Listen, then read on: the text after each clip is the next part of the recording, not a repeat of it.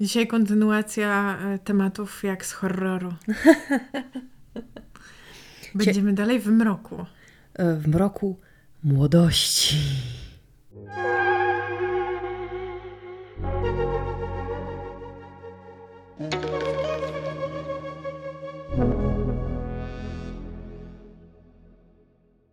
Pamiętam, że jak czytałam e, często jakieś wywiady z kobietami, różnymi kobietami sukcesu, czy tam psycholożkami, czy, czy nie wiem, piosenkarkami, kimkolwiek, kto, kto jest kobietą i jest tam po czterdziestce, czy, czy, czy starszy jeszcze, to czasami pojawia się w takich wywiadach pytanie, mm, czy chciałabyś być młodsza, wiesz, czy, czy nie tęsknisz za tym, jak to było, jak się miał 20 lat? I zawsze te osoby odpowiadają, Boże, nie, za żadne skarby, to były straszne czasy. Nie wiem, czy zwróciłaś uwagę, że czasami się pojawiają w różnych rozmowach tego typu pytania. Tak. I, I ja zawsze, jak byłam jeszcze właśnie sama nastolatką czy dwudziestolatką, to czytałam, myślałam, Jezu, no nie, no co. A im starsza jestem teraz, u progu trzydziestki będąc już, to coraz bardziej czuję to samo. I myślę, że czasy nastoletnie i wczesnej młodości dorosłej, to jest po prostu najgorszy czas w życiu i nigdy bym nie chciała do tego wrócić. Nawet gdybym miała skórę, która nie potrzebuje retinolu. No, słyszałam właśnie wielokrotnie w wywiadach też takie deklarowane, um, jak ktoś tam przekracza jakiś magiczny próg, nie wiadomo dlaczego to ma być jakiś próg, no ale że życie zaczyna się po trzydziestce, Potem życie się zaczyna po czterdziestce, potem jeszcze raz zaczyna się po pięćdziesiątce i jeszcze raz się zaczyna po przejściu na emeryturę, więc jakby nasze życie ma wiele początków. Jestem ciekawa tych kolejnych progów, jak to będzie u mnie. Gdybyś mnie zapytała, czy chcę wracać do tamtego czasu, niekoniecznie, ale też nie mam jakiegoś takiego mocnego sprzeciwu. Ja raczej nie mam e, chyba aż tak mocnej. Yy, mocnego wrażenia, że tam się działy rzeczy tragiczne i straszne. Raczej mam takie wrażenie, że to jest y, rzeczywiście czas, w którym się wiele rzeczy klaruje, mhm. wielu rzeczy się próbuje y, i no i pewne decyzje, które się podejmuje w tamtym czasie mogą jakoś rzutować na, na kolejne dekady. Y, więc czasami myślę sobie, że a wróciłabym, spróbowała innej ścieżki, zobaczyłabym ale to takie gdybanie. No wiadomo, że to się nigdy nie wydarzy, więc po prostu po co tracić energię na wymyślanie scenari scenariuszy alternatywnych dla własnego życia. No ale poczekaj, to jak, jakiej ścieżki byś spróbowała, gdybyś teraz na przykład obudziła się i miała znowu 16 lat? Um, no spróbowałabym ścieżki zdecydowanie z naukami ścisłymi. Mhm. Um, i o ile wtedy jakoś tak naprawdę poważnie rozważałam y, karierę matematyczki, y, to teraz y, myślę, że po, po, postawiłabym świadoma swoich obecnych zainteresowań na jednak biologię i chemię mhm. i pewnie coś z tym bym próbowała robić. Ale w ogóle na przykład w tamtym czasie nie przemykała mi przez myśl nawet taka, taka opcja, żeby się zainteresować psychologią. Eee, a to też jakaś rzecz, którą bym sobie podszepnęła. Tylko, że jak mam świadomość siebie, wtedy jakby mi coś podszeptywało, wpadłabym w panikę, więc no nie robię tego, nie wracam, nie wracam do tego czasu. Psychologią tak, to wiesz, im, im starsze jesteśmy, tym bardziej widzimy, jak ludzie są zjebani po prostu, więc szuka, w tym, w szukałybyśmy tych mechanizmów chętnie. Szukałybyśmy tych mechanizmów, no też wydaje się, że jest to zawód przyszłości generalnie. E, pomaganie innym w zakresie zarządzania własnymi emocjami. No i sobie oczywiście, prawda? Również w tym. Prze przede wszystkim sobie. Trzeba zacząć od, od, od własnego podwórka. Od belki w własnym, we własnym psychologicznym e, oku. Między innymi swoją drogą na marginesie, coś co nam się zdarza robić. Przyglądać się tym belkom. Oj tak. No ale dzisiaj nie będziemy wracać do przeszłości w tym znaczeniu, że nie będziemy odwracać yy, skutków własnych decyzji, mm, ale możemy sobie już pozwolić na to, mając pewien dystans, nazwijmy to, do tamtych wydarzeń, zastanowić się, cóż to za czas szczególny, co to jest w ogóle za kategoria nastolatek, nastolatka, nastolatkowie. Dowiedziałam się, że po jakimś krótkim researchu, że już językoznawcy uznali formę nastolatkowie jako dopuszczalną. Zamiast nastolatki albo obok? Tak, zamiast nastolatki. E, kiedyś to było zupełnie niepoprawne, teraz już się uznaje nastolatkowie. No, ta forma owie, ona jest taka bardziej przydająca podmiotowości, taka mhm. uznająca właśnie podmiotowość tej grupy. No, ale czy naprawdę ta kategoria coś rozjaśnia? Właśnie w tym roku nastolenstwa, czy w ogóle ta kategoria nam bardziej rozjaśnia, czy bardziej zaciemnia? Jakie to masz poczucie? No właśnie, mm, ja myślę, że to jest jednak y, spoko kategoria, no. pod tym względem, że jakoś obejmuje po prostu okres dojrzewania, mhm. który, który trwa dłużej niż trwa nastolenstwo, bo tak naprawdę na, no, nastolenstwo to jest od 12 do 20 roku życia, nie? W sumie. A nie o, jed- teen. o 11? 11, 12, 13 dopiero ma teen. No tak. E, kiedyś to było prosto, bo było od gimnazjum, a teraz jest trudniej to liczyć. No ale w każdym razie liczmy tam od e, tego 11 czy 13 do, do 19. E, I to, to jest chyba przydatne rozróżnienie, dlatego że tam rzeczywiście się dzieje, dzieje masa rzeczy w ciele i w głowie. I jesteś w tym okresie przemiany jak taka poczwarka. Jeszcze w ogóle ani dzie- a już, już nie dziecko, jeszcze nie kobieta. Czyli uważasz, że to jednak poręczne. Girl, you'll be a woman soon. A, piękna piosenka. Trochę jednak creepy, jak Bar się Bardzo, bardzo creepy. Bardzo, słuchałam jej namiętnie, e, jak byłam w liceum. O co tam chodzi? Ale, bo w ogóle jakby samo to pojęcie bywa bardzo często krytykowane, dlatego że ono zdaje się powstało właśnie w języku angielskim, czy też wręcz amerykańskim mm, na potrzeby zupełnie niezwiązane, jakby nie wynikające z potrzeb samej tej grupy. To nie, to nie jest tak, że pewien nastolatek kiedyś się obudził i pomyślał, ja w ogóle nie jestem dzieckiem, ja nie jestem młodym dorosłym, jestem nastolatkiem. Nie. Ale tutaj aplikujesz e, politykę tożsamości i reprezentacji. No, jest... czy, czy nastolatek musi stwierdzić, że jest nastolatkiem? No, no właśnie nastolatkowie tego nie wymyślili, wymyślili to dorośli. I to bardzo konkretni dorośli, którzy chcieli znaleźć nowy rynek zbytu po prostu, znaleźć sobie nową grupę konsumencką. Czyli Don Draper wymyślił nastolatków. No, Don Draper jemu podobni. Inni medmeni i właśnie medmeni, nie medwomens. Womens? Boże Magda. No właśnie, dostrzegli, że ta grupa ma istotne znaczenie na, na rynku i że można pewne rzeczy zacząć adresować konkretnie do tej grupy, wyodrębniając ją niejako, dając jej osobne imię i mówiąc, proszę, tu dla Was produkty. Tu dla Was y, milkshake'i i łyżworolki mm, i nowa linia kosmetyków dla nastolatek. Oraz też nowe produkty kultury, można powiedzieć. Bo jak się przejrzeć na przykład takim artystom jak Avril Lavigne, E, która zaczyna śpiewać piosenki właśnie o swojej grupie wiekowej, jak to tam um, You were a skater boy. I, tak, tak. I was a... Kim ona tam była? I was a czekaj, skater czekaj. girl? She, y, ona tańczyła balet. A, okej. Okay. No właśnie. Um, ale też literatura ostatnio mhm. bardzo dobrze się sprzedaje. Mm, adresowana właśnie do tak zwanych young adults. I to nie jest właśnie literatura dla teenagers, tylko do young adults, bo tam już są właśnie takie pierwsze rozkminy o relacjach, o, o trudnych tematach też takich czasami. Poca jak... Pocałunki. Po, pocałunki, pierwsze zauroczenia, e, pierwsze relacje, ale też koń, końce tych relacji, burzliwe. E, próba wpasowania się do grupy, mm, przynależności, odnajdywania swojej tożsamości. No ważne tematy wszystko. Ważne tematy wszystko.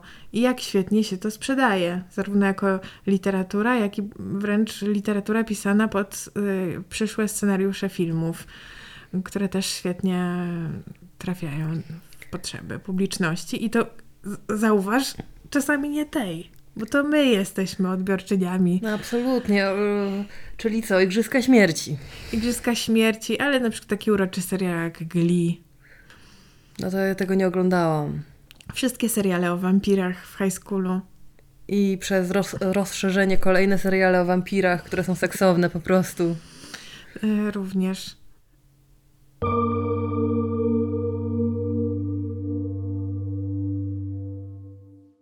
No ale, y, bo zaczęłyśmy od tego, że ten czas nastoletni jest taki mroczny i trudny. No i w zasadzie dlaczego on taki jest? Czemu my tak o nim myślimy? Ja nie wiem. po prostu tak mam. Ja mam taką teorię, która mi się jeszcze u, udowidoczniła, no. Mm, że na przykład y, jak jesteś dziewczynką, to to jest jeszcze bardziej widoczne, ale w ogóle, że nagle trafiasz w taki świat relacji, które są już relacjami pozarodzinnymi, poza, pozabezpiecznymi jakby w tym sensie. Mhm. I one też są, wiesz, miłosne. I nagle okazuje się, że jeszcze przed chwilą w ogóle, wiesz, nie byłaś w sumie dziewczynką ani chłopcem, nie miałaś ról takich aż tak skonkretyzowanych. Najwyżej ktoś tam bardziej cię gonił do zmywania niż brata, mhm. a teraz nagle okazuje się, że jesteś w jakiejś y, po prostu matni y, ról płciowych, Aha. i tego, jak masz e, interagować z innymi i się zachowywać, i jakie przyjmować fasady, i czego pilnować, żeby nie skazać się po prostu na e, infamię przez całą szkołę. Aha. Myślę, że to jest strasznie w ogóle trudne, że nagle wiesz, wystarczy jeden fałszywy ruch i e, będziesz slat szejmowana przez m, trzy kolejne klasy. Albo będziesz, e, jeżeli jesteś chłopcem, e, wiesz, chłopaki inne z klasy będą e, się z ciebie śmiały, że jesteś niewystarczająco, niewystarczająco performujesz swój normatywny heteroseksualizm. I wiesz, i w połączeniu z tym, że jeszcze ciało się zmienia i to ciało samo już jakby jest wrogiem właściwie, bo nagle rosną ci cycki, i one same już prowokują, wiesz, prowokują, robię tutaj cudzysłów, yy, i są tematem. I to, że wiesz, że jak jesteś chłopcem, to możesz dostać, wiesz, erekcji, jak stoisz yy, na matematyce przy tablicy. I to jest też po prostu jakiś, jakaś potworność i, i najgorsza rzecz na świecie. Więc yy, właśnie, normy społeczne są w tym nastoletnim świecie bardzo wyśrubowane i bardzo trzeba pasować do modelu. Jednocześnie ciało jest twoim wrogiem, a ty jesteś zagubiona w tym wszystkim, co trzeba i co nie trzeba. Do tego dochodzi jeszcze cała kwestia wagi, bo też nastolatki mają największe kompleksy związane z tym, również dlatego, że ciało się zmienia. Mhm. W Polsce to w ogóle są jakieś chore, wykręcone liczby tego, ile, ile procent nastolatek i nastolatków czuje, że, że, że powinno schudnąć. I do tego wszystkiego jeszcze czujesz, że, że ta przyszłość dopiero się zacznie i że musisz już wiedzieć, co w tej przyszłości chcesz, bo jeszcze no. tak naprawdę nie jesteś pełnoprawną osobą. Dopiero za trzy lata, jak pójdziesz na studia, to może będziesz, więc musisz wiedzieć, co ty chcesz zrobić ze sobą w przyszłości, jakąś ścieżkę, jakąś obrać, a twój mózg działa na jakieś mniej więcej 80%, bo jeszcze się nie wykształcił. No i tak, jest tutaj dużo, dużo wątków i pięknie to zarysowałaś. Yy, cały ten klaster yy, nakładających się nawzajem yy, wyzwań, ja bym to e, spróbowała rozpakować. Bo po pierwsze, w ogóle sama ta kwestia dojrzewania ciała i jego przemian, ona sama w sobie już generuje mnóstwo problemów. Mm. Jako pierwsze nazwałabym to, że to się dzieje w różnym czasie dla różnych osób. Czyli na przykład jedne osoby dojrzewają już w pierwszej klasie gimnazjum zaczynają, czy tam pod koniec podstawówki, a inne jeszcze nie. I źle jest być. I tą, co ma na początku pierwszy okres, i, i, i tą, tą co, i tą ostatnią. Bo od razu myślisz sobie, że coś ze mną jest nie tak, bo wypatrujesz tej normy, e, jak to powinno być i dodatkowo nie ma żadnego wsparcia ze strony dorosłych takiego systemowego, żeby to jakoś e, dostarczyli ci jakąś wiedzę naukową na ten temat, bo umówmy się, że jakby kwestia wychowania takiego um, seksualnego, powiedzmy, czy wychowania w ogóle płciowego, czy jak, jak to nazwać, no po prostu wychowania o ludzkim ciele, mhm. leży totalnie w Polsce. Jest wręcz przekazana w ręce osób, które są do tego kompletnie nieprzygotowane i niekompetentne. E, no i ludzie po prostu młodzi muszą szukać tej informacji na własną rękę w internecie, co kończy się katastrofą, albo pytać znajomych, co jest jeszcze większą katastrofą. No a, albo po prostu się domyślać. No i jak sama jesteś ze sobą, po prostu dlaczego jestem inna e, z tą myślą, dlaczego ja jeszcze nie, albo ja już tak. E, jest to tematem. Dlaczego koleżanki już mają cycki i prosisz mamę, żeby ci kupiła stanik sportowy, bo wszystkie już się przebierają i mają staniki, jakie w szatni przebierały na WF, a ty dalej płaska. No ale chociaż ten stanik na te płaskie cycki byś nałożyła, a matka mówi, dajmy na to. No. Moja tak nie powiedziała, poszła ze mną do Atlantika i mi kupiła. E, a ta matka mówi, no ale przecież, no ale co, no jeszcze nie potrzebujesz. No. I męczcie przez to kolejne pół roku na, na każdym WF-ie. Ja miałam Ostatnio, jak byłam w, schron- w schronisku w górach, jakoś tak obserwowałam mimo woli mojej sytuację, bo y, tam były no, y, dla obu płci wspólna łazienka i prysznica, no i oczywiście słychać, kto, kto o czym gada w, tej, w tym kiblu mm -hmm. czy w prysznicu, jakby wszystko słychać. I był ojciec z córką, właśnie taką, no nie przyglądałam jej się, ale była nadal dla, w moich oczach jakimś takim dzieckiem. I ona wchodziła pod ten prysznic po ojcu i i mówiła właśnie, że ona teraz idzie się kąpać i tato tylko nie wchodź mi tu i mnie nie podglądaj. I ten ojciec się tak jakby najpierw po prostu nie skomentował tego w żaden sposób, ale ona kolejny raz i kolejny raz go prosiła i to już było takie śmieszne, że on tam stoi, myje te zęby i cały czas ona go jakoś tak na, nagabuje. I, no i on w końcu jakby wszedł w tą polemikę z nią i mówi, Boże, no ale co to jest za problem, przecież cię całe życie widziałem i tak dalej, i tak dalej. Próbuje jej uświadomić, że to nie byłaby żadna tragedia, gdyby ją zobaczył. Ale ona już miała ten wstyd mhm. przed tym, że ktoś dorosły ją zobaczy jakby nago. Mhm. I to jest też strasznie trudny moment, nie? w którym jakby rodzić się ta autonomia też wobec własnych rodziców, że oni też nie, nie mogą cię zobaczyć, że, że, że się wstydzisz przed nimi i tak dalej, i tak dalej.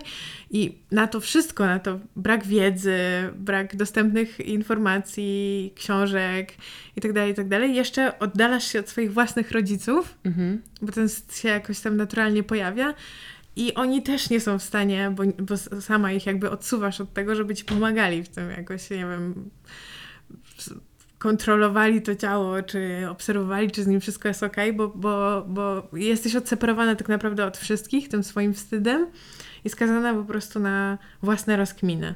No tak, e, nie wiem, może są takie na przykład progresywne jakieś domy, w których e, dzisiaj dziewczynki, jak mają, zaczynają mieć problem, że im, nie, że wiesz, nie wiem, zaczynają im e, rosnąć włosy w strefie bikini, mhm. im wystają za majtek, to mhm. idą do mamy i mówią, że one by chciały, że tutaj, że jest problem i co zrobić, czy to, jak to golić, czy tego, wiesz, czy to zostawić, czy, czy co, bo inne dziewczyny nie mają.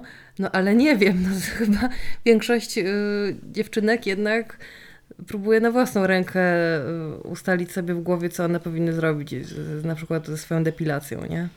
No widziałam jakieś takie badania, że zdecydowana większość e, osób w tym wieku szuka tych informacji na własną rękę i raczej wstydzi się porozmawiać z rodzicami. To chyba Sex Ed prowadził jakąś taką kampanię też dużą billboardową, że skierowaną do rodziców właśnie, żeby próbowali z dziećmi rozmawiać, nawet jeśli im się wydaje, że jeszcze na ten temat jest za wcześnie, bo z, prawdopodobnie będzie tak, że dziecko samo tej rozmowy nie zainicjuje. Więc tutaj trzeba jakby stworzyć mu warunki trochę do tego i trochę go na siłę mm, spróbować skłonić do, do rozmowy na ten temat. Ale też kwestia w ogóle nagości w naszej, w naszej kulturze um, jest kłopotliwa. To znaczy, mało jest takich naturalnych, neutralnych miejsc, nie związanych od razu z seksem, w których można zobaczyć nagie ludzkie ciało. Polskie rodziny nie chodzą do sauny. Ani nie, jak chodzą na basen, to też zwykle się przebierają tam wszyscy od razu. Jakby no nikt w przebieralni nie chodzi nago. Znaczy, dobra, nie mówię nikt, ale większość osób. To jest w ogóle jakieś straszne, że albo w tych kabinkach, no. albo po prostu chyłkiem, damska szatnia i chyłkiem, to takie ściąganie, wiesz, bluzka narzucona do połowy i wtedy tam ściągasz te ramionczka kostiumu, żeby broń Boże jakaś obca baba nie zobaczyła, że też masz cycki. Otóż to. To jest straszne. I w odróżnieniu na przykład, dla mnie to było dosyć dużym szokiem, że w kulturze yy, na przykład niemieckiej, ale też na przykład na Węgrzech, jak jeździłam na obozy międzynarodowe i skautowe i takie były po prostu, wiesz, no, podział na dwie płcie oczywiście, bo to były tamte czasy i też, no ale po prostu wszystkie osoby wyglądające na kobiety razem się kąpią i tam nie ma żadnego problemu, że nie ma po prostu, wiesz, wręcz stoisz pod jednym prysznicem, jakby z kilkoma osobami mhm. w jednej przestrzeni. I nikt nie robi z tego żadnej afery, po prostu się myjesz, bo musisz się umyć i i to jest taka naturalna też okazja do tego, żeby zobaczyć, że te ciała są różne, nie? Że ludzie są grubsi, chudsi, niżsi, więksi, mają nierówne piersi, jedna większą od drugiej, mają owłosienie takie, srakie, owakie, że, że po prostu te ciała są różne i to też jakoś tak normalizuje to, że twoje ciało też może być inne. Mhm. A u nas tego nie ma. No chyba, że ktoś właśnie ma do, dostęp do jakichś... Um... Słuchaj, zróbmy takie założenie milczące na czas tego odcinka, że my nie mówimy e, tutaj o nastolatkach i, ro i ich rodzicach, którzy, które wychowują się na mm, patio w Nowym Teatrze, dobra? tylko i chodzą do szkoły, zespołu, nadzieję, że... do szkoły społecznej w Warszawie. Nadzieję, Mówimy o normalnych ludziach. Mam nadzieję, szczerze mówiąc, że nikt się nie wychowuje na patio w Nowym Teatrze. Słuchaj, tam dzieci biegają i wiesz, feminatywy sobie poprawiają, po 5 lat mają. No więc oni na przykład na tym obozie mm, międzynarodowym rozwiązali ten problem w taki sposób, że e, owszem, domyślnie wszyscy chodzili się kąpać w, te, w tych wspólnych, pod te wspólne prysznice, ale była też opcja, żeby sobie nalać wody do miski i w takim namiocie e, oddzielonym od, od reszty świata się wykąpać indywidualnie. Ja z tej opcji korzystałam, bo się wstydziłam. Przyznaję to wprost. Było dla mnie to szokiem wielkim, że można tak. No i zaraz obok tego stoi oczywiście WF, wychowanie fizyczne, e, piękna nazwa, realizacja dużo gorsza, idea. Polska szkoła, nie podniesiesz się po tym podcaście. Idea światła, natomiast hmm, e, wszystko, wszystko właściwie, co pamiętam z WF-u, opierało się na rywalizacji. Mhm. E, jak rozgrzewka to wyścigi, jak bieganie to kto pierwszy na mecie, jak y, podawanie sobie piłki nawet w, w, siatkówce, to kto lepiej podaje i czy komu ile razy ta piłka upadnie, ten będzie miał albo piątkę, albo jedynkę. Oczywiście sprawdziane z piłki lekarskiej, skoku przez kozła, dwutaktu, odbij wiązanych i wszystkie inne sprawdziane z jakichś dyscyplin typu rzut piłką lekarską na oczach wszystkich, siedzi widownia, patrzy, dłubie w nosie tak, i się stresuje, są... że, zaraz, że zaraz oni. Albo tam jest jeszcze inna klasa, starsze klasy, na, które wchodzą, zaczynają, kończą ten WF, albo nie wiem, akurat nie mają matematyki, więc... Albo chłopcy z twojej klasy grają obok na sali gimnastycznej, na wydzielonej tam przestrzeni obok w koszań. A, a ty ja. rzucasz tą piłką jak debil. Tak, i akurat mają przerwę i mogą sobie poobserwować się pośmiać. E, tragedia po prostu. No wiesz, chłopcy też oczywiście nie mają lekko, bo to Wystarczy, że nie, nie lubisz albo źle grasz piłkę i też masz. No, oczywiście, ale mam wrażenie, że nie było takiego e, gangu dziewczyn, które stoją i śmieją się z chłopaków. O nie, nieudolnie nie, grają. W nie, u dziewczyny były raczej w drugą, znudzone ciężko. W drugą stronę pamiętam to świetnie. E, dodatkowo um, kwestia um, bycia niedysponowaną na WF-ie. Czyli, że możesz mieć zwolnienie z ćwiczeń, intensywnych, jeśli bardzo cię boli brzuch, ale to automatycznie staje się wiedzą powszechną, że ty akurat masz okres. Mm.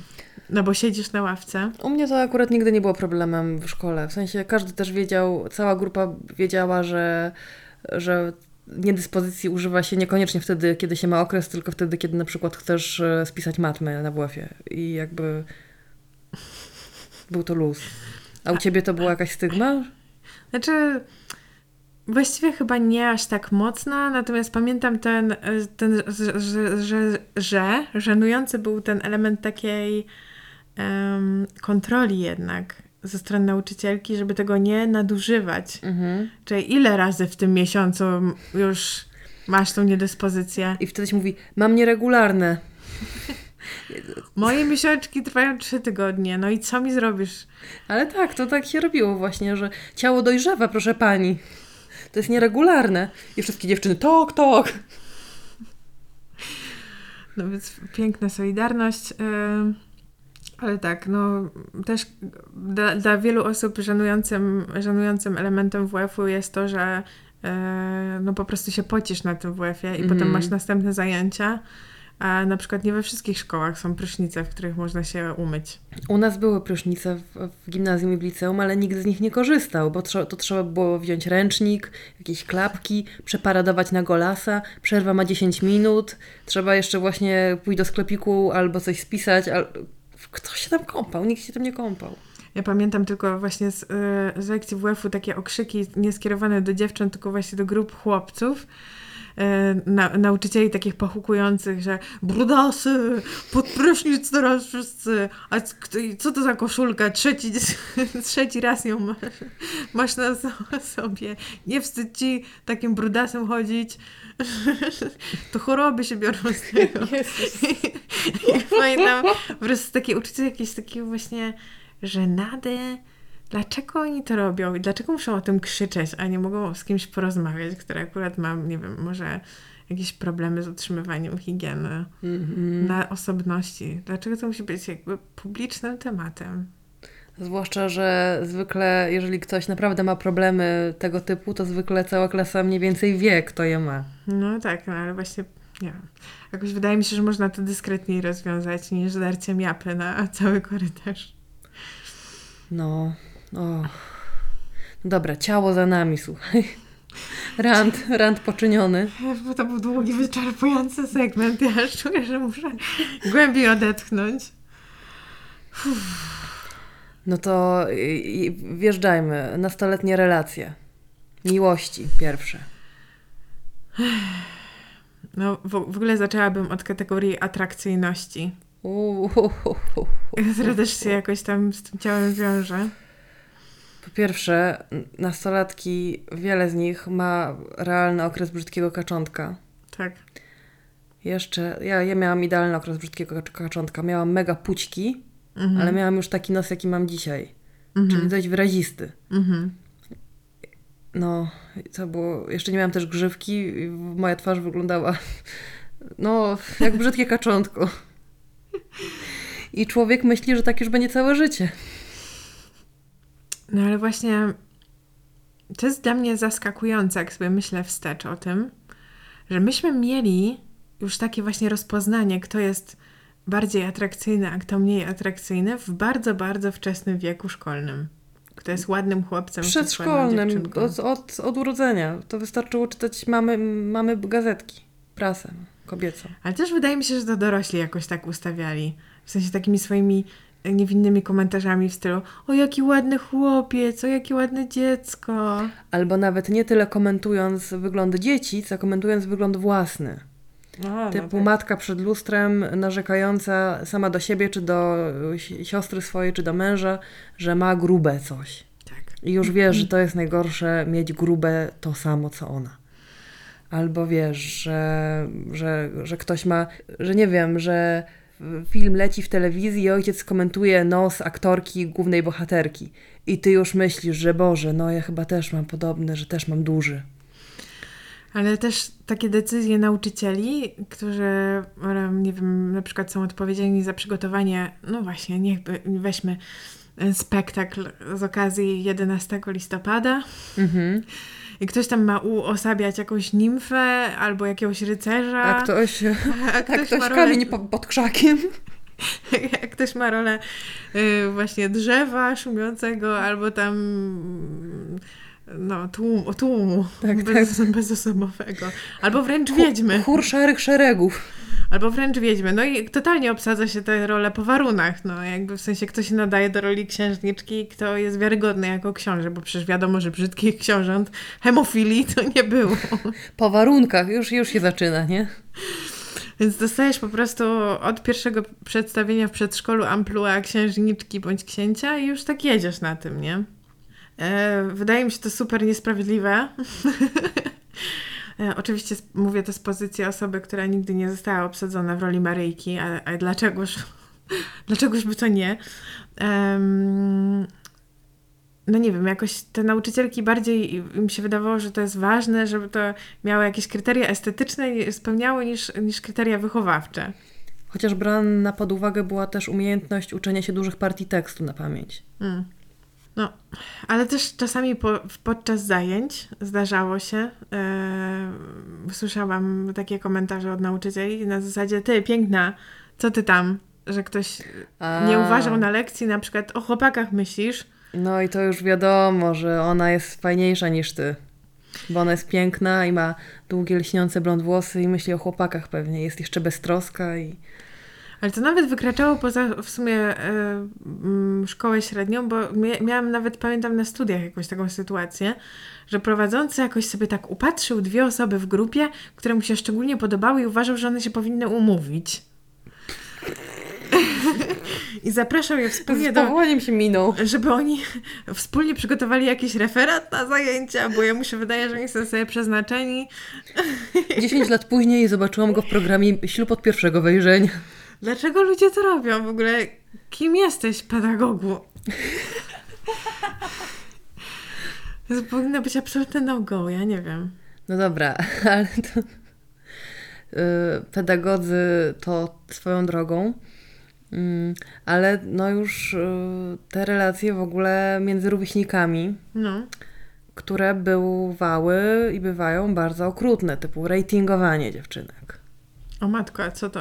Że... No wiesz, y, czy jesteś szóstką, czy dziewiątką, Aha. że która dziewczynka ładniejsza, nie? Na Mhm. skali od 1 do 10. I to była taka powszechna wiedza u ciebie? Kto No, jest... y, wiesz co, u mnie to jeszcze w powijakach to było, jak ja byłam w Mhm. szkole, ale myślę, że to roz, rozwinął się ten, y, ten styl y, w ogóle kategoryzowania kobiet. Boże, to brzmi okropnie. U mnie tego nie było.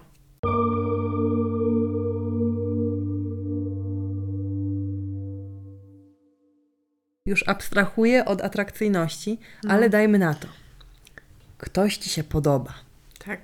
Jest osoba w klasie i już trzymajmy się dla ułatwienia heteronormatywnej w ogóle sytuacji, że jest No. to chłopiec. Tak. I jak tu teraz zwrócić na nie, y, y, uwagę jego na siebie i jak rozpoznać, czy on też jest zainteresowany? Czy do niego napisać, czy zagadać, czy człowiek naczytany, jakichś takich dziwnych rzeczy, jakichś bzdur zasłyszanych gdzieś, wiesz, w seksie wielkim mieście myśli, co może, może tutaj przewrócę się przy nim i wysypię rzeczy z plecaka, albo coś, nie wiem.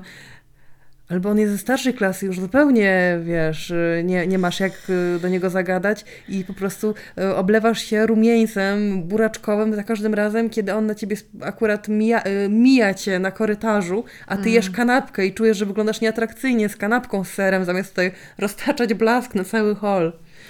Próbuję sobie przypomnieć, jak to było. Wydaje mi się, że jak podobał mi się ktoś z, z, nie z mojej klasy, to to było wbrew pozorom łatwiejsze, dlatego że miałam czystą kartę. A jak tutaj ktoś z mojej, z mojej grupy, która mnie już zna od po prostu od jajka, e, od, od małego, i jak to zmienić rolę nagle?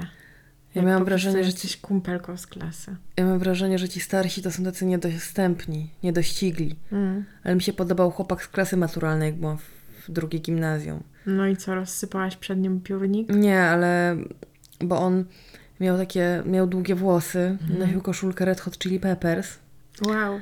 więc y, ja też byłam fanką Red Hot Chili Peppers i też jakiś czas później dostałam, czy, czy kupiłam sobie koszulkę i za każdym razem, jak ją wkładałam do szkoły, to czułam, że na pewno wszyscy wiedzą, cała szkoła wie, ale cał, nie, nie, że cała szkoła myśli, że ja tę koszulkę noszę dlatego, żeby on zwrócił na mnie uwagę. Mhm. I na pewno wszyscy mnie już przejrzeli. I snułam też takie oczywiście fantazje, że, że on do mnie gdzieś podchodzi, pyta, o, też lubisz Red Hot Chili Peppers? A ja mówię, no. Ale czy to się wydarzyło? No oczywiście, że nie, no. Jaki osiemnastolatek spojrzy na dziewczynkę, która ma 14 lat i je kanapkę z serem oblana rumieńcem? Spojrzeć jeszcze mógłby, ale nie powinien nic więcej. No właśnie. Więc w sumie dobrze, że tak się, tak się potoczyła ta historia.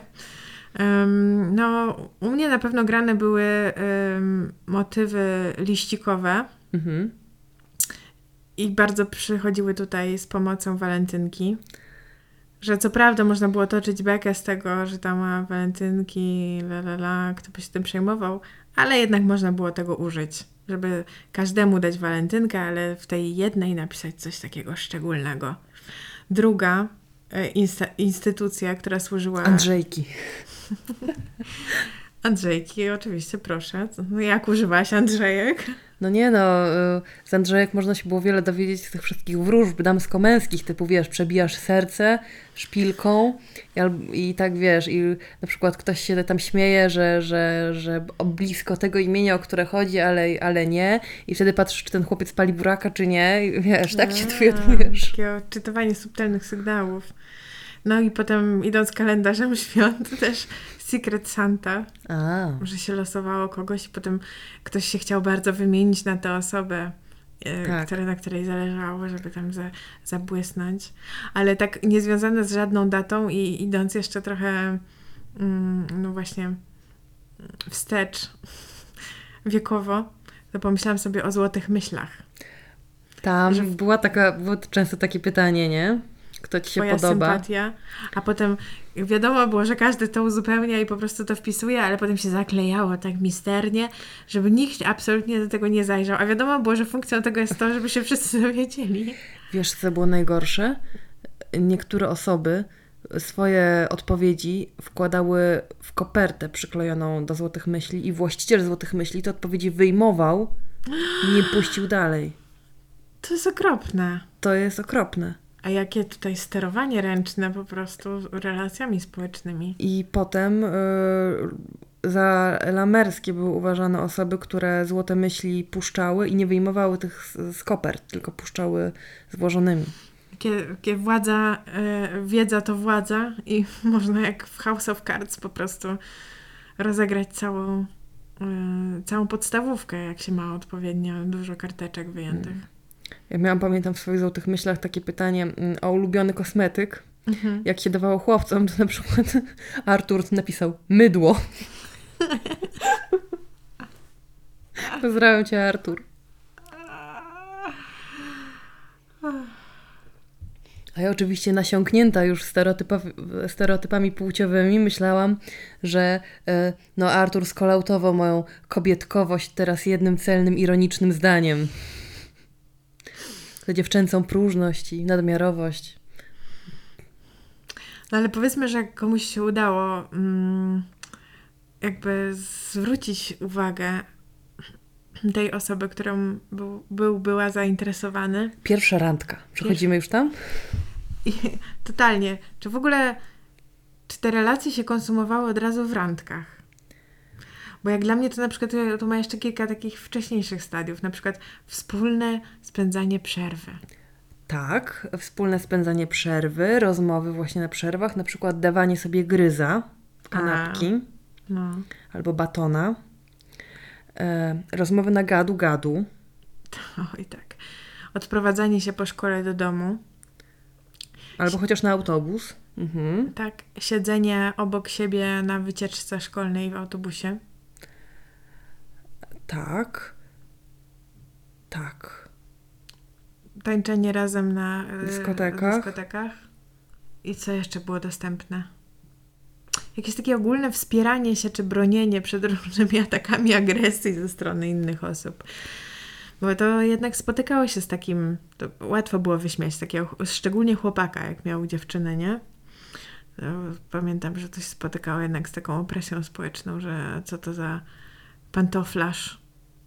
Hmm. O, zakochana para, Jacek i Barbara. No to jeszcze w młodszym wieku, tak. No ale no randki też były. Były. I pamiętam jak dziś moją pierwszą randkę z zaproszenia, no. Ojoj.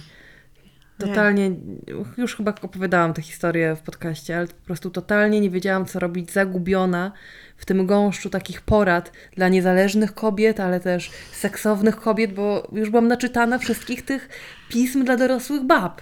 No. Wszystkich tych joyów, kosmo. A tutaj, Inna rzeczywistość. no, No i jak, jak to wspominasz? Jak, jak, jak to poszło? Nie no, chyba dobrze, bo żeśmy rozmawiali, ale ta relacja nie miała przyszłości. Nie, Nie, nie, nie, nie miała ona przyszłości. nie mieliście wspólnych y, zainteresowań? Nie, czy... po prostu, mm, po prostu Malina, on przestał się do mnie odzywać. Zgoustował cię? No trochę tak. To były wakacje, więc mógł. Przykro mi. Także tak. Także zmarnował mi wakacje. No ale cóż, dziś jestem w innym miejscu, silniejsza, co mnie nie zabiło, to... Żałuję, że cię znałam. No, także tak. No i tutaj już w relację też wchodzi w ogóle kwestia cała seksu i erotyki i e, Grząsko. bardzo grząskie grunty e, zabezpieczeń oraz tego, oraz plotek o tym, co kto z kim robi. U Tak. nas była na przykład plotka, że jedna z dziewczyn e, uprawia e, seks analny. Więc to już kaliber był tego rodzaju, że już Mm. uprawianie seksu nie było wstydliwe, ale były pewne jego formy.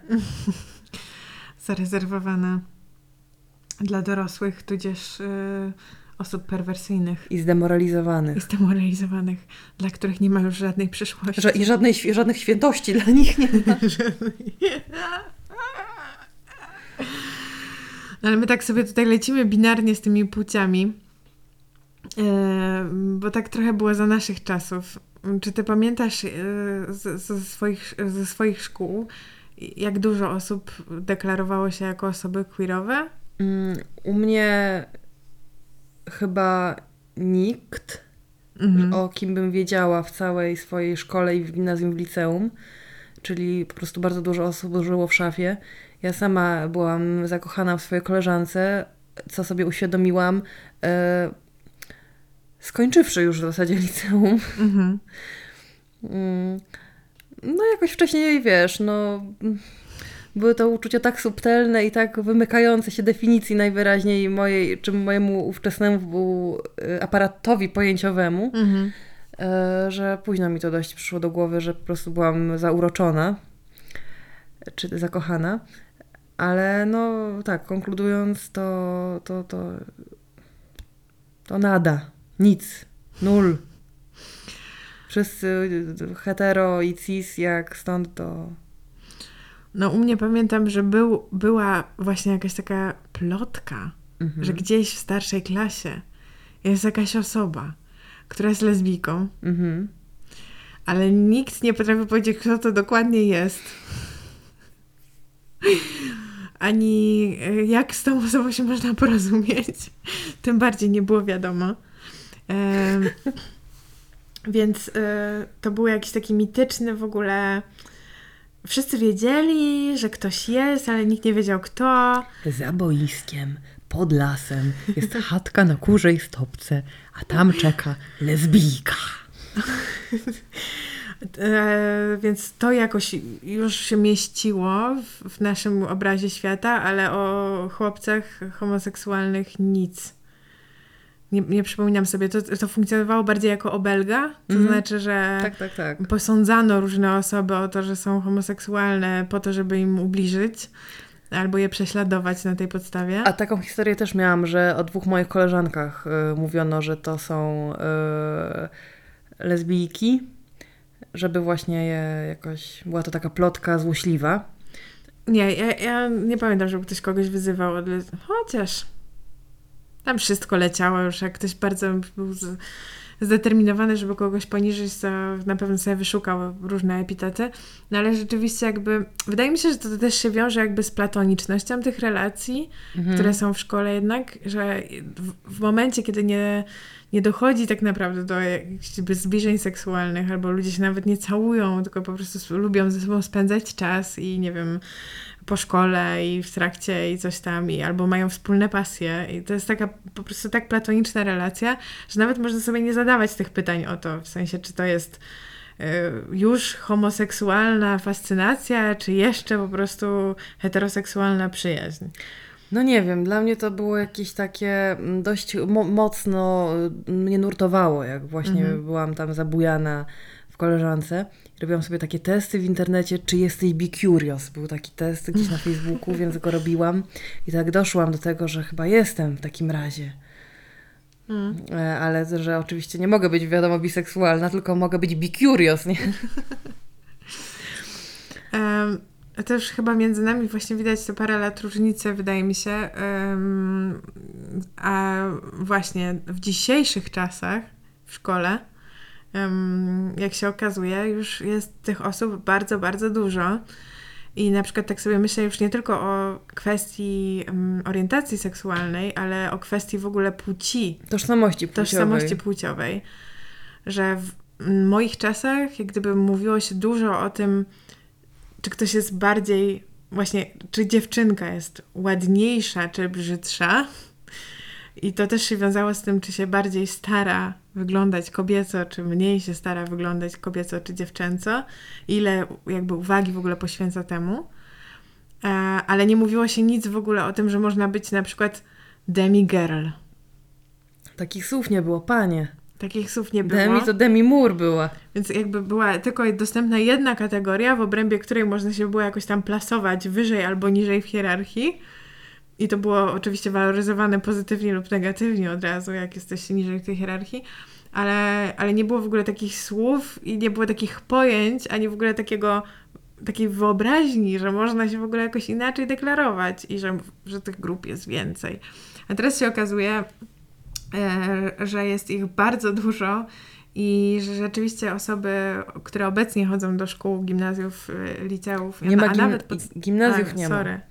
Podstawówek i liceum. do szkół średnich i podstawowych, to, to, to jest adekwatne.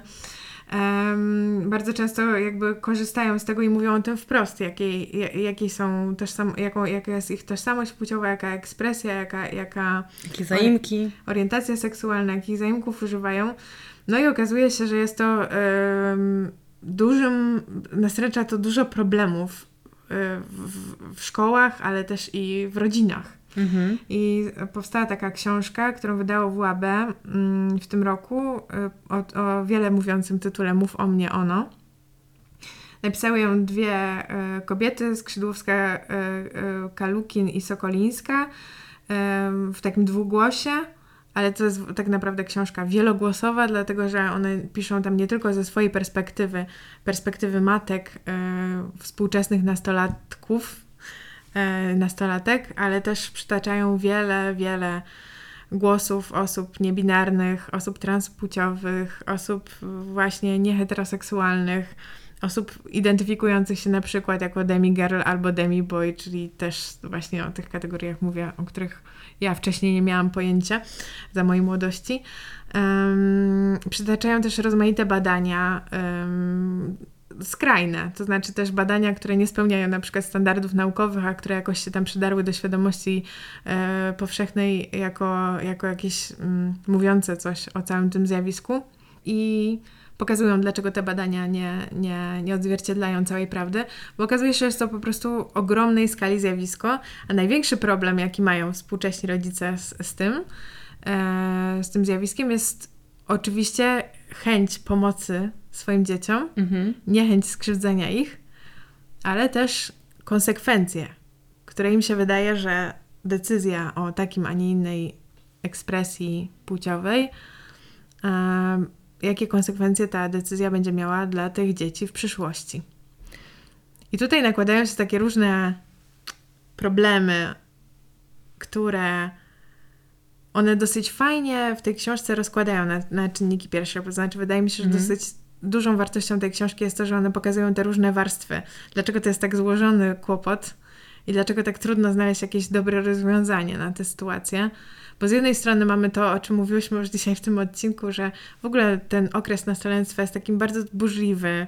E, Zmienia się ciało, zmienia się, my, my się jakoś odnajdujemy w tych stru- strukturach, w tych tożsamościach, nawiązujemy relacje, kończymy te relacje, hmm, wymyślamy sobie naszą przyszłość. No, a z drugiej strony zmienia się też cała ta kultura. Mhm. Kultura na przykład mówienia o płci.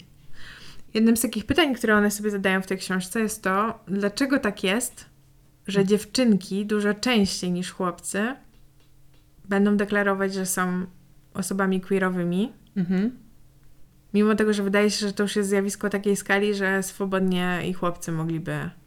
No to nie jest trochę tak jak, z, z, że po prostu w patriarchalnej kulturze chłop, chłopięcej y, jest to o wiele mniej akceptowane niż wśród dziewczynek. No widzisz, to jest też odpowiedź, ku której ja bym się skłaniała. Mhm. e, tak zupełnie instynktownie, że po prostu na dziew dziewczynkom na dużo więcej się pozwala, ale to też na przykład możemy to pamiętać właśnie z, z, naszych, z naszej młodości jako takie na przykład przyzwolenie na bycie lesbijką. Można się całować z koleżanką na imprezie, dwóch kolesi już nie może się całować. Tak, ale, ale, też w takim trybie, że dziewczynki to mogą sobie poszukiwać, mhm. ale niechby chłopiec próbował poszukiwać to już od razu wszyscy są cali spięci i chcą go musztrować i mhm. sprowadzać, mm, wiesz, do jakichś ram i wtłaczać w jakąś rolę koniecznie. Dlatego, że wydaje się, że jak chłopiec zaczyna e, właśnie eksperymentować, to, to już po prostu jest tragedia, on już będzie prześladowany, on już nie odnajdzie się w tej szkole, będzie miał problemy z nauką, pro, problemy z przystosowaniem społecznym itd., tak itd. Tak Więc nawet rodzice, którzy teoretycznie kochają swoje dziecko i chcą je wspierać, no, dostają ataku paniki na samą myśl, że ich syn mógłby być nieheteronormatywny A... albo w ogóle się nie utożsamiać ze swoją płcią. Poczekaj, bo to jest właściwie takie, taki turbo samonapędzający się mechanizm, że rodzice przestraszeni społecznymi skutkami jakiejś no, queerowości swojego dziecka czy swojego syna, robią z tego takie jakieś halo i tak bardzo z tym jakoś walczą i, i są nieszczęśliwi, ręce załamują, że sami utrudniają sytuację zamiast ją polepszać. No niestety to jest dosyć częsty case, że... Dziecko, jak ty będziesz miał ciężko. Tak. Ja, ja nie płaczę, tylko martwię. No. Jeszcze masz, biedny człowieku, młody, myśleć o tym, że twoja matka teraz przeżywa to, jak, jakie tobie się nieszczęścia przytrafią w przyszłym życiu. Jakbyś już ta, i takie miał trudno. No i a drugi, druga kwestia, która, która się wydaje tak strasznie problematyczna dla rodziców, to jest to, że to wszystko jest płynne. A, czyli że to nie jest tak, że jak ci przyjdzie twoja piętnastolatka i powie, że ona jest, że, że ona jest lesbijką, albo przyjdzie ci dziecko i powie, że ona jest niebinarne, to to może się zmienić za pół roku. Otóż to. Je, jeśli, jeśli już mi mówisz coś takiego, dziecko, to już się tego trzymaj. Dlatego, że ja się dostosuję My mhm. zaczniemy do ciebie mówić inaczej. Poinformujemy wszystkie osoby ważne, już przeżyjemy tę wielką tragedię, że tutaj jest to jednak inne dziecko niż nam się wydawało, że mamy, a tu za chwilę abarot. ile można tego, ile można tych płci, ile można tych decyzji podejmować. No a tymczasem okazuje się, że dla współczesnych nastolatków jest to bardziej niż um, naturalne, no. Po prostu. Że dzisiaj jestem z Kasią, za dwa tygodnie zerwę z Kasią i przestanę się identyfikować jako lesbijka, powiem, że jestem bi. Albo pan. Albo pan, albo w ogóle jestem, jednak nie interesuje mnie seks, jestem osobą aseksualną, jestem osobą y, tylko i wyłącznie poszukującą relacji romantycznych. I teraz y, pułapką jest w sumie o tym mówić, żeby, te, żeby mm, jakoś tego nie spłycić, nie? Tej całej sytuacji płynności i zmian. No. Że to nie, że też można łatwo wpaść w takie myślenie, że jeżeli właśnie mm, własny odbiór e, nastoletniego dziecka, własny jego odbiór swojej orientacji seksualnej czy tożsamości płciowej jest płynny, to znaczy, że to są wszystko wymysły. Mhm. I, I jakieś, że to mu się zaraz odmieni, wiesz że to taki etap, a to też nie zawsze są fajne komunikaty. No to w ogóle nie są fajne komunikaty. Wydaje się, że mm, jakby rzeczywiście ci rodzice mają trudno. Mhm. Jednocześnie muszą traktować z powagą, ale nie desperować i zachowywać spokój przy zmianach tych deklaracji dziecka, i traktować wszystko, o, dużo, dużo do zrobienia ma taki rodzic. No i tak sobie płynnie przechodzimy właśnie do tematu, jak trudno jest rodzicom nastolatków być rodzicem nastolatków. E, też wydaje mi się, że to jest taki moment, w którym generalnie jakoś dochodzi do jakiejś redefinicji tej, tej roli dziecięcej, to znaczy tego układu dziecięco-rodzicielskiego, nie? Że trochę ludzie jakieś takie dwa widziałabym modele, jak sobie zaczynają tę relację układać na nowo, że niektórzy potrafią się z, przyjaźnić ze swoim dzieckiem i dzieci z rodzicem i wejść właśnie w taką relację, zaczę, zacząć wchodzić w taką relację dorosły-dorosły, kiedy no, współdzielimy jakieś smutki i radości, ale też się wspieramy nawzajem, czy dzielimy jakimiś odpowiedzialnościami. Ale są, jest to też bardzo często dla wielu ludzi moment, w których jak gdyby no, rozchodzą się te drogi. Plus y, przy tej pierwszej drodze też można być za bardzo koleżanką i za bardzo na przykład dzielić się swoimi smutkami i, i źle ustawiać to dziecko, które już jest inteligentne i y, komunikatywne, ale jeszcze totalnie, wiesz, nie, nie zna się na wielu rzeczach. Nastolatki się też zachowują tak, jak się zachowują, dlatego że trochę inaczej nie mogą przez neurologię. Hmm. Gdyż, wyobraź to sobie, nastolatki jeszcze nie mają rozwiniętej e, kory przedczołowej, mhm który jest odpowiedzialny za podejmowanie racjonalnych decyzji, za myślenie o konsekwencjach, za odraczanie gratyfikacji, w sensie w ogóle jakieś przewidywanie przyszłości. Mhm. To się do 25 roku rozwija, według niektórych nawet do 30. Mm. Więc ja jeszcze ostatnie, ostatnie, ostatnie tygodnie, słuchaj, przed pełnym ukształtowaniem mózgu. Więc ty jeszcze tak naprawdę rośniesz, Marta. Jeszcze rosnę. Jak, to jest to jest wspaniała perspektywa. Jeszcze dwa miesiące porosnę. Jeszcze wszystko ci się może odmienić. No ale właśnie y, u nastolatków za to jest bardzo aktywny y, taki element mózgu, który nazywa się, wyobraź to sobie, prążkowie. Mhm. I cóż to jest za element? I to prążkowie jest tak bardziej w środku. I ono y, jest bardzo powiązane z systemem nagrody. Aha. Bardzo, bardzo dobrze reaguje na feedback Aha. Były takie eksperymenty na Uniwersytecie Kalifornijskim, że dawali dorosłym i nastolatkom y, takie zadanie, że były dwa kwiatki, był motylek, jakieś takie wideo i trzeba było wybrać, y, zgadnąć do jakiego kwiatka poleci motylek. Mhm. I okazywało się po czasie, że motylek ma preferencje mhm. i nastolatki te, te preferencje dostrzegały, wiesz, brały ten feedback, widziały to szybciej niż dorośli. Mhm. bardziej plastycznie jakby operowały tym przyswajaniem jakichś schematów, zachowania świata wokół nich. Mhm. Co ma w ogóle super dużo sensu, bo jak pomyślisz zupełnie biologicznie o na przykład małym lisku, mhm. który jeszcze nie jest dorosłym liskiem albo wilczkiem, ale już, już, już nie jest zupełnie taki mały, to on musi biegać po tym lesie i wąchać rzeczy i sprawdzać, jak one działają, jak reagują, i się uczyć na tej podstawie, czyli musi mieć, wiesz, wyczulenie na feedback. No i ten y, sam organ w mózgu, nie, nie organ, ale y, ta sama część mózgu y, jest też nastawiona na to, co też jest potrzebne małemu wilczkowi, czyli e, na e, zachowanie ryzykowne. Ta część mhm. mózgu chce podejmować ryzyko. Aha. No bo jak nie podejmie, to się nic, nic nie nauczy. Mhm. No i nastolatki też podejmują ryzyko, nie? Na przykład no, robią różne ryzykowne rzeczy, na co skarżą się rodzice. Po prostu nastolatki są nastolatkami. Po coś. Po coś, tak. To jest tak wymyślone, żeby one się nauczyły, żeby one próbowały nowych rzeczy i się uczyły na, na własnych błędach de facto. Mhm. E, I na przykład e, spoko jest wtedy według jakiejś psycholożki, którą czytałam, mhm. żeby podsuwać tymże swoim nastolatkom e, bezpieczne ryzyka. Bezpie... Czyli na przykład masz tu paczkę fajek, wypal ją przy mnie. Nie, czyli, jak nie zwymiotujesz, to możesz palić dalej. Czyli na przykład pierwsze, pierwsze doświadczenia czegoś, które są stresujące i są nowe, ale są bezpieczne, typu mm, zagrać w szkolnej sztuce, iść, iść na casting do szkolnej sztuki teatralnej, mhm. nie? A nie skakać na główkę, nie wiedząc jak głęboka jest woda. I czy jest. I czy jest.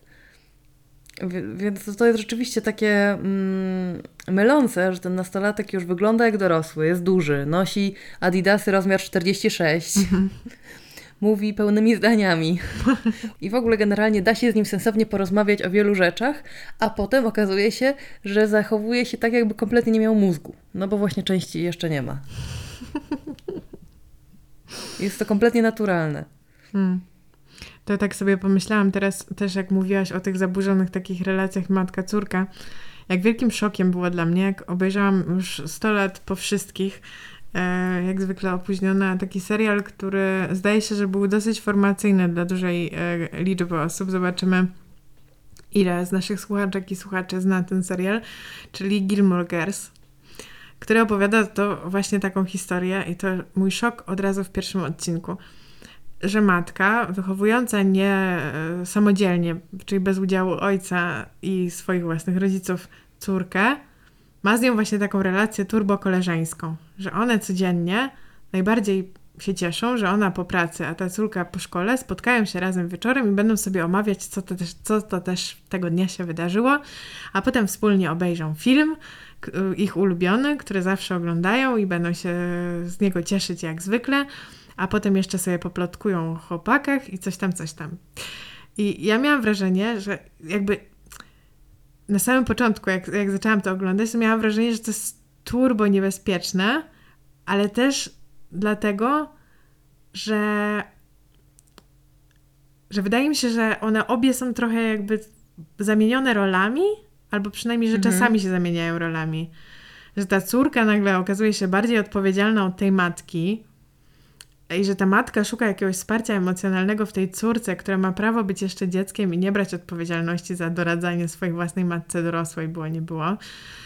I że tam się dzieje coś takiego bardzo dziwnego. Um, i właśnie w odniesieniu do, te, do tego, co mówiłaś o podejmowaniu ryzyka, że ta matka dużo częściej podejmowała tam ryzyko, jeśli chodzi o jakieś dziwne relacje albo ryzyko jakieś tam zawodowe, mhm. e, o też ryzyko w relacjach jej z własnymi jej rodzicami, e, niż ta córka. I że ta córka dla niej stanowiła taką, taką funkcję takiego właśnie kogoś starszego. No jest to jedno jakby z zaburzeń w ogóle dynamiki rodzinnej, która na nastolatków spada. Właśnie dlatego, że już są niby tacy duzi i odpowiedzialni. Z drugiej strony, inna rzecz to jest jak e, rodzic e, totalnie nie chce w ogóle zauważyć, że to dziecko już nie jest dzieckiem, że już jest w tym etapie poczwarki.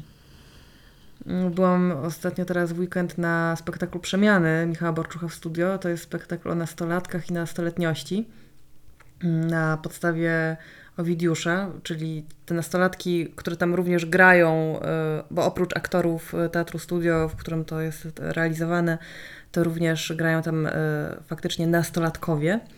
Więc na przykład one się nazywają tam, wiesz, Atalanta, Centaur, Dafne. Generalnie są to postacie z mitologii. Jest scena w sądzie rodzinnym, w której Demeter, czyli Ceres, no po łacinie, mhm robi jazdę właśnie w sądzie rodzinnym, oskarży Hadesa czy też Plutona o to, że porwał jej córkę, czyli Persefonę. To mhm. wszyscy znają mit ten mniej więcej pewnie. Tematem jest to, że Demeter nie chce tej córki puścić.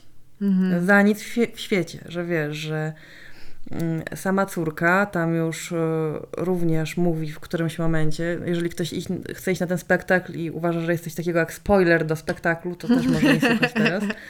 Ale w każdym razie już tam i córka, czyli ta Persefona, jakby faktycznie mówi, że mamo, to ja już jestem duża, że nie możesz mnie tak trzymać, że to jest moja decyzja i to są moje wybory. I wiem, że to jest trudne, ale ja się muszę tutaj nauczyć. I pada również tam taka kwestia, że mm, jak rodzice czy też matka chce, żeby córka się zachowywała mądrze, czyli na przykład nie lazła w objęcia starego chłopa z podziemi, mhm. E, skoro nigdy jej nie uczyła miłości do nikogo poza sobą. Mhm. Więc skąd dziecko ma mieć wzorce, jak tylko z mamą ma, ma relację i tylko to widziało, nie? Ech. Bardzo tam ciekawie też była skonceptualizowana kwestia podziemia, mhm jako w ogóle czegoś, y, już, już właśnie zostawiając ten Hades i to, to, to, to faktyczną jakąś przestrzeń, no to też, też zostało to jakoś tak ujęte, że mm, dorośli tacy niezadowoleni, jak my schodzimy do podziemi, mhm. no ale te podziemia są i oni nas powinni nauczyć się w tych podziemiach poruszać generalnie, mhm. a nie płakać żywnymi łzami, że sami żeśmy zeszli. Mhm. I że oni sami też siedzą w tych podziemiach. No i to jest też ciekawe właśnie, jak wielu rodziców w ogóle nie porusza w najmniejszej mierze z dziećmi, nie wiem, z jakiegoś strachu, czy z niewiedzy, czy z, konglomeratu jakichś obaw, e, kwestii jakkolwiek trudnych. Mm. Jakichkolwiek, wiesz, właśnie ciężarów życia, ciężarów dorastania. Nic mm. nie mhm. mówią, siedzą jak zaklęci. Nie pogadasz z nimi, bo sami się spłoszą i speszą tak bardzo, że ty jako nastolatka już wiesz, że to nie ma sensu nawet zagadywać o swój problem do rodziców, bo oni po prostu zaczną łapać powietrze jak ryba wyrzucona na brzeg i tak ci nic nie powiedzą mądrego No. o twoich problemach, tylko się zaczną spinać, że ty masz takie problemy. Myślę, że teraz w ogóle u nas, w sensie w Polsce, jest bardzo, bardzo duża różnica, jeśli chodzi o pomiędzy pokoleniami, jeśli chodzi o zdolność mówienia o rzeczach trudnych i w ogóle rozmawiania, wymieniania się doświadczeniami i tak dalej. Tak jak Nazywanie emocji. nazywania emocji, totalnie to jest kwestia języka, tak, jak, tak samo jak z kwestią e, płynności płci, czy, czy chociażby, nie wiem, nurtów w muzyce, tak? Jakby to jest, to jest po prostu kwestia słownika, ale też osobistych doświadczeń, bo o ile słownika na temat, ja- jakie są teraz zespoły modne, możesz się nauczyć, bo sama miałaś kiedyś mo- modne zespoły, które lubiłaś i to jest tylko po prostu kwestią y- usiądnie- usiądnięcia do rozmowy na ten temat. Sią- no Jezu, co ja się tak sakałam. Wystarczy wygooglować Harry Styles. Wystarczy googlać. O tyle z rozmową o emocjach albo o przeżyciach jest tak, że jeśli sama tego nie doświadczyłaś, no to jest to przerażające. No sama myśl, że można w ogóle... No bo nie znasz tego, nie miałaś takiego doświadczenia, takiego trybu rozmowy, nie? Nie miałaś też w ogóle y, takich wyzwań, jakie są teraz. Nie miałaś całego y, wszystkich Internetu. rze- tak, wszystkich rzeczy internetowych. Nawet jeżeli teraz już nastoletnie dzie- dzieci mają osoby, które, które miały internet, już jakieś, jakiś proto-internet, No. To nie, wiesz, no, nie miały... Hejtu w i- internecie. Tak, i, no i TikToka i wszystkiego. I nie kumają tego.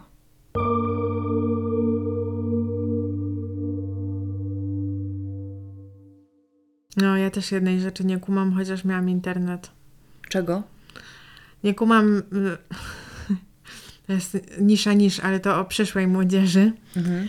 E, nie kumam fascynacji dzieci treściami na YouTubie, które są według mnie totalnie psychodeliczne. Mhm. E, na przykład jakichś filmów o kolorach, Mhm. gdzie... Widziałaś to? Nie.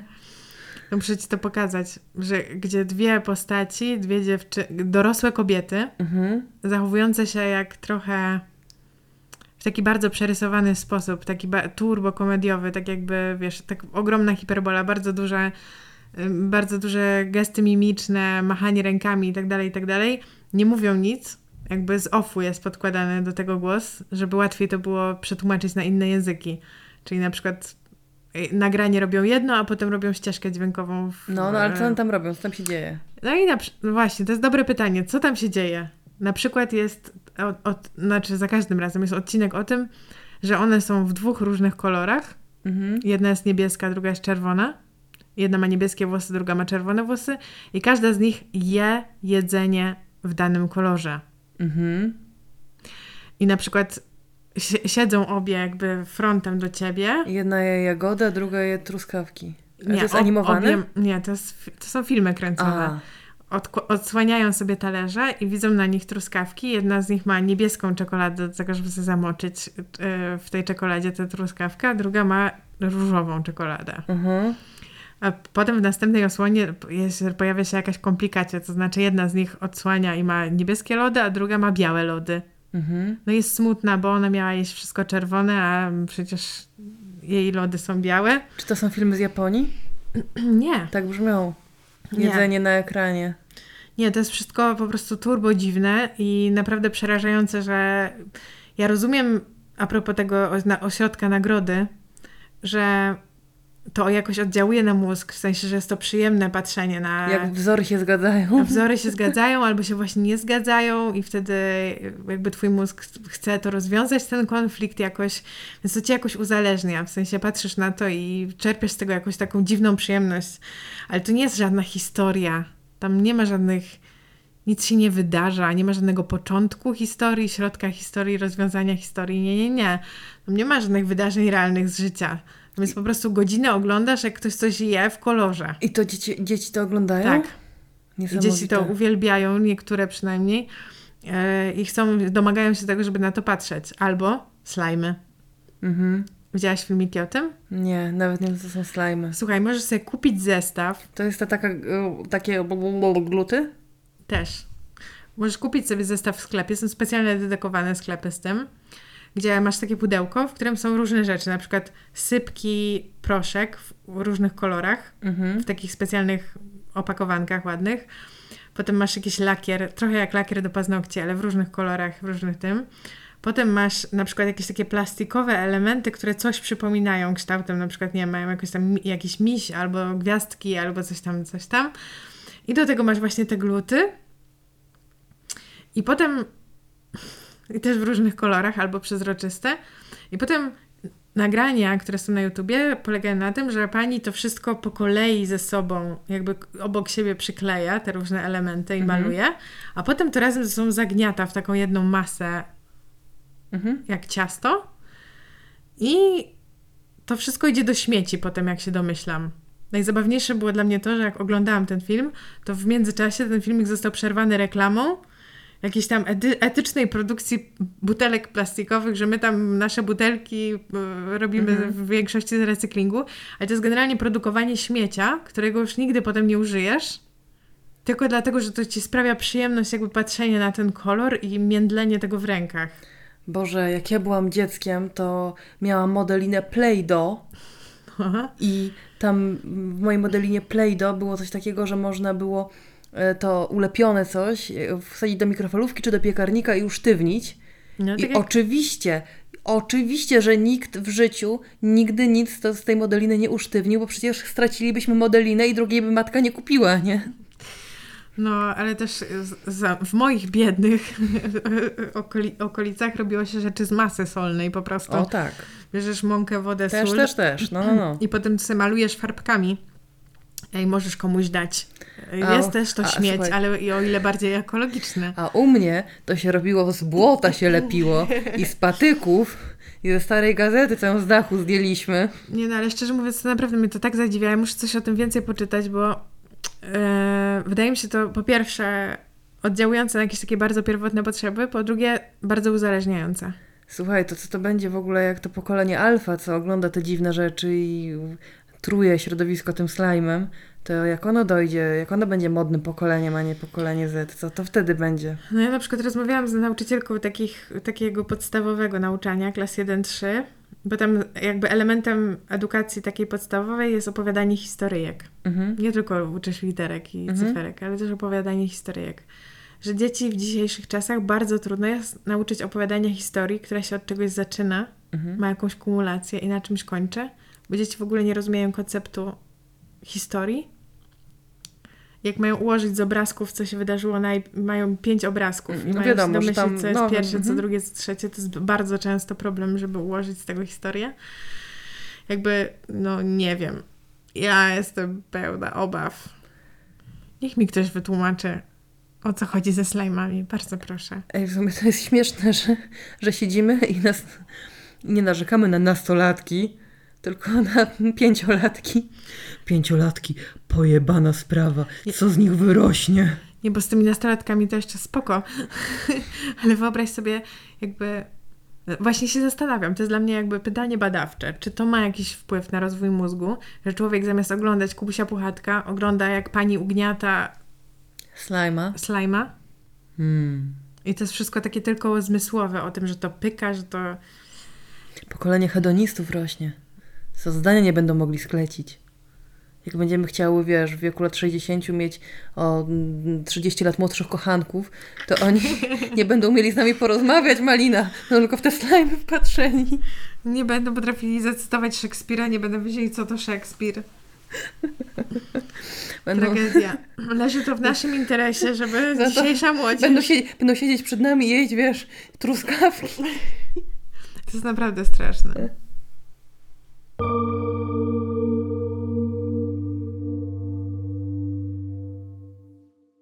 No to jaki z tego morał? Wydaje mi się, że to jest taki typowy odcinek, w którym nie powinno być żadnych morałów. Zostańmy po prostu z naszym zdziwieniem. E, A ja właśnie miałabym morały. masz morał? Mam absolutnie morał. No to dajesz. Ja mam taki morał, żeby pamiętać, że czasy nastoletnie y, są trudne Jest to po prostu ciężki ból często do przebycia, częściej niż rzadziej.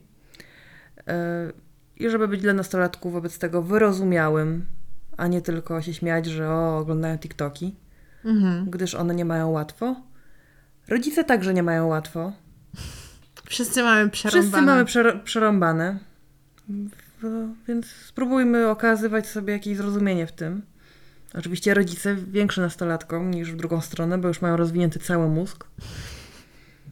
A jak ktoś, y, to jest referencja, której nigdzie nie wrzuciłam y, w odcinku, bo jakoś mi się nie, nie, nie, nigdzie mi nie pasowało, ale bardzo, bardzo super eseje są o ciężarze bycia dorastającą dziewczynką i to się nazywa e, Dziewczyństwo, Girlhood, Melisy Mhm. Febos, jest po polsku, wyszło niedawno. Są to bardzo, bardzo dobre eseje, literacko napisane, dotykające bardzo wielu takich mrocznych i trudnych i jakichś ambiwalentnych aspektów bycia dorastającą dziewczynką. Mhm. Bardzo to jest dobre. Z polskiej literatury masz jakieś takie przykłady dobrej, ym, dobrego opisu, na czym polegają trudy nastolenstwa? Była taka książka i ta autorka chyba pisze kolejne książki dla młodzieży, e, fanfic Mhm. Natalii Osińskiej, gdzie się pojawiają rzeczywiście e, bohaterowie, czy bohater, czy bohaterka, nie pamiętam jak to tam, dawno to czytałam, więc w każdym razie e, osoba e, nastoletnia, niebinarna, czy też transpłciowa, w każdym razie ta kwestia tożsamości płciowej odgrywa tam bardzo ważną rolę Mhm. w tej, w tej książce. Jest to rzeczywiście książka dla nastolatków i, i on, mm, ją chwalono bardzo właśnie za to i to też, wiesz, no było tam to dość mądrze ujęte i też nie jakoś dydaktycznie, więc może to byłby dobry przykład. Ja sobie myślałam ostatnio z rozrzewnieniem na temat tego, jak polska y, produkcja filmowa była kiedyś nakierowana na nastolatki i nastolatków, jak powstawało mnóstwo wspaniałych filmów na temat tej grupy właśnie wiekowej, typu zawsze na podstawie literatury. Panna z mokrą głową, Pan z mokrą głową, jak ten obcy, jak bułeczka, jak szaleństwo panny Ewy. szaleństwo panny Ewy, jak y, właśnie dziewczyna i chłopak, czyli Heca na 14 fajerek. Po prostu mieliśmy dużo tych autorów, co pisali dla młodzieży. A właśnie Hanna Orzogowska. Ona, Hanna e, Orzogowska, ona no. też napisała na przykład książkę Za minutę pierwsza miłość. O, bardzo dobrą. no. Bardzo dobrą. Tam komplementuje ktoś na przerwie dziewczynę, że jest podobna do Urszuli Sipińskiej.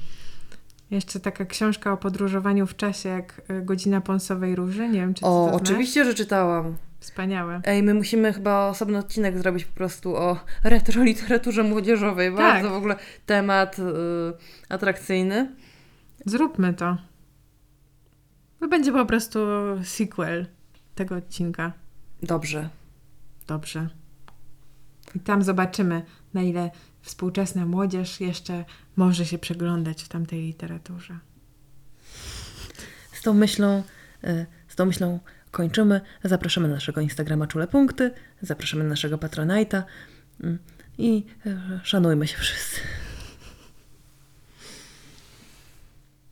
A na koniec pragniemy też tradycyjnie podziękować naszym matronkom i patronom z Patronite, a są to Wojciech Kur, Klaudia Dąbecka, Talia, Magda Płockę i Kuba Kanarek. Wszystkim Wam życzymy bardzo udanych skoków przez kozła, m, takich na szóstkę.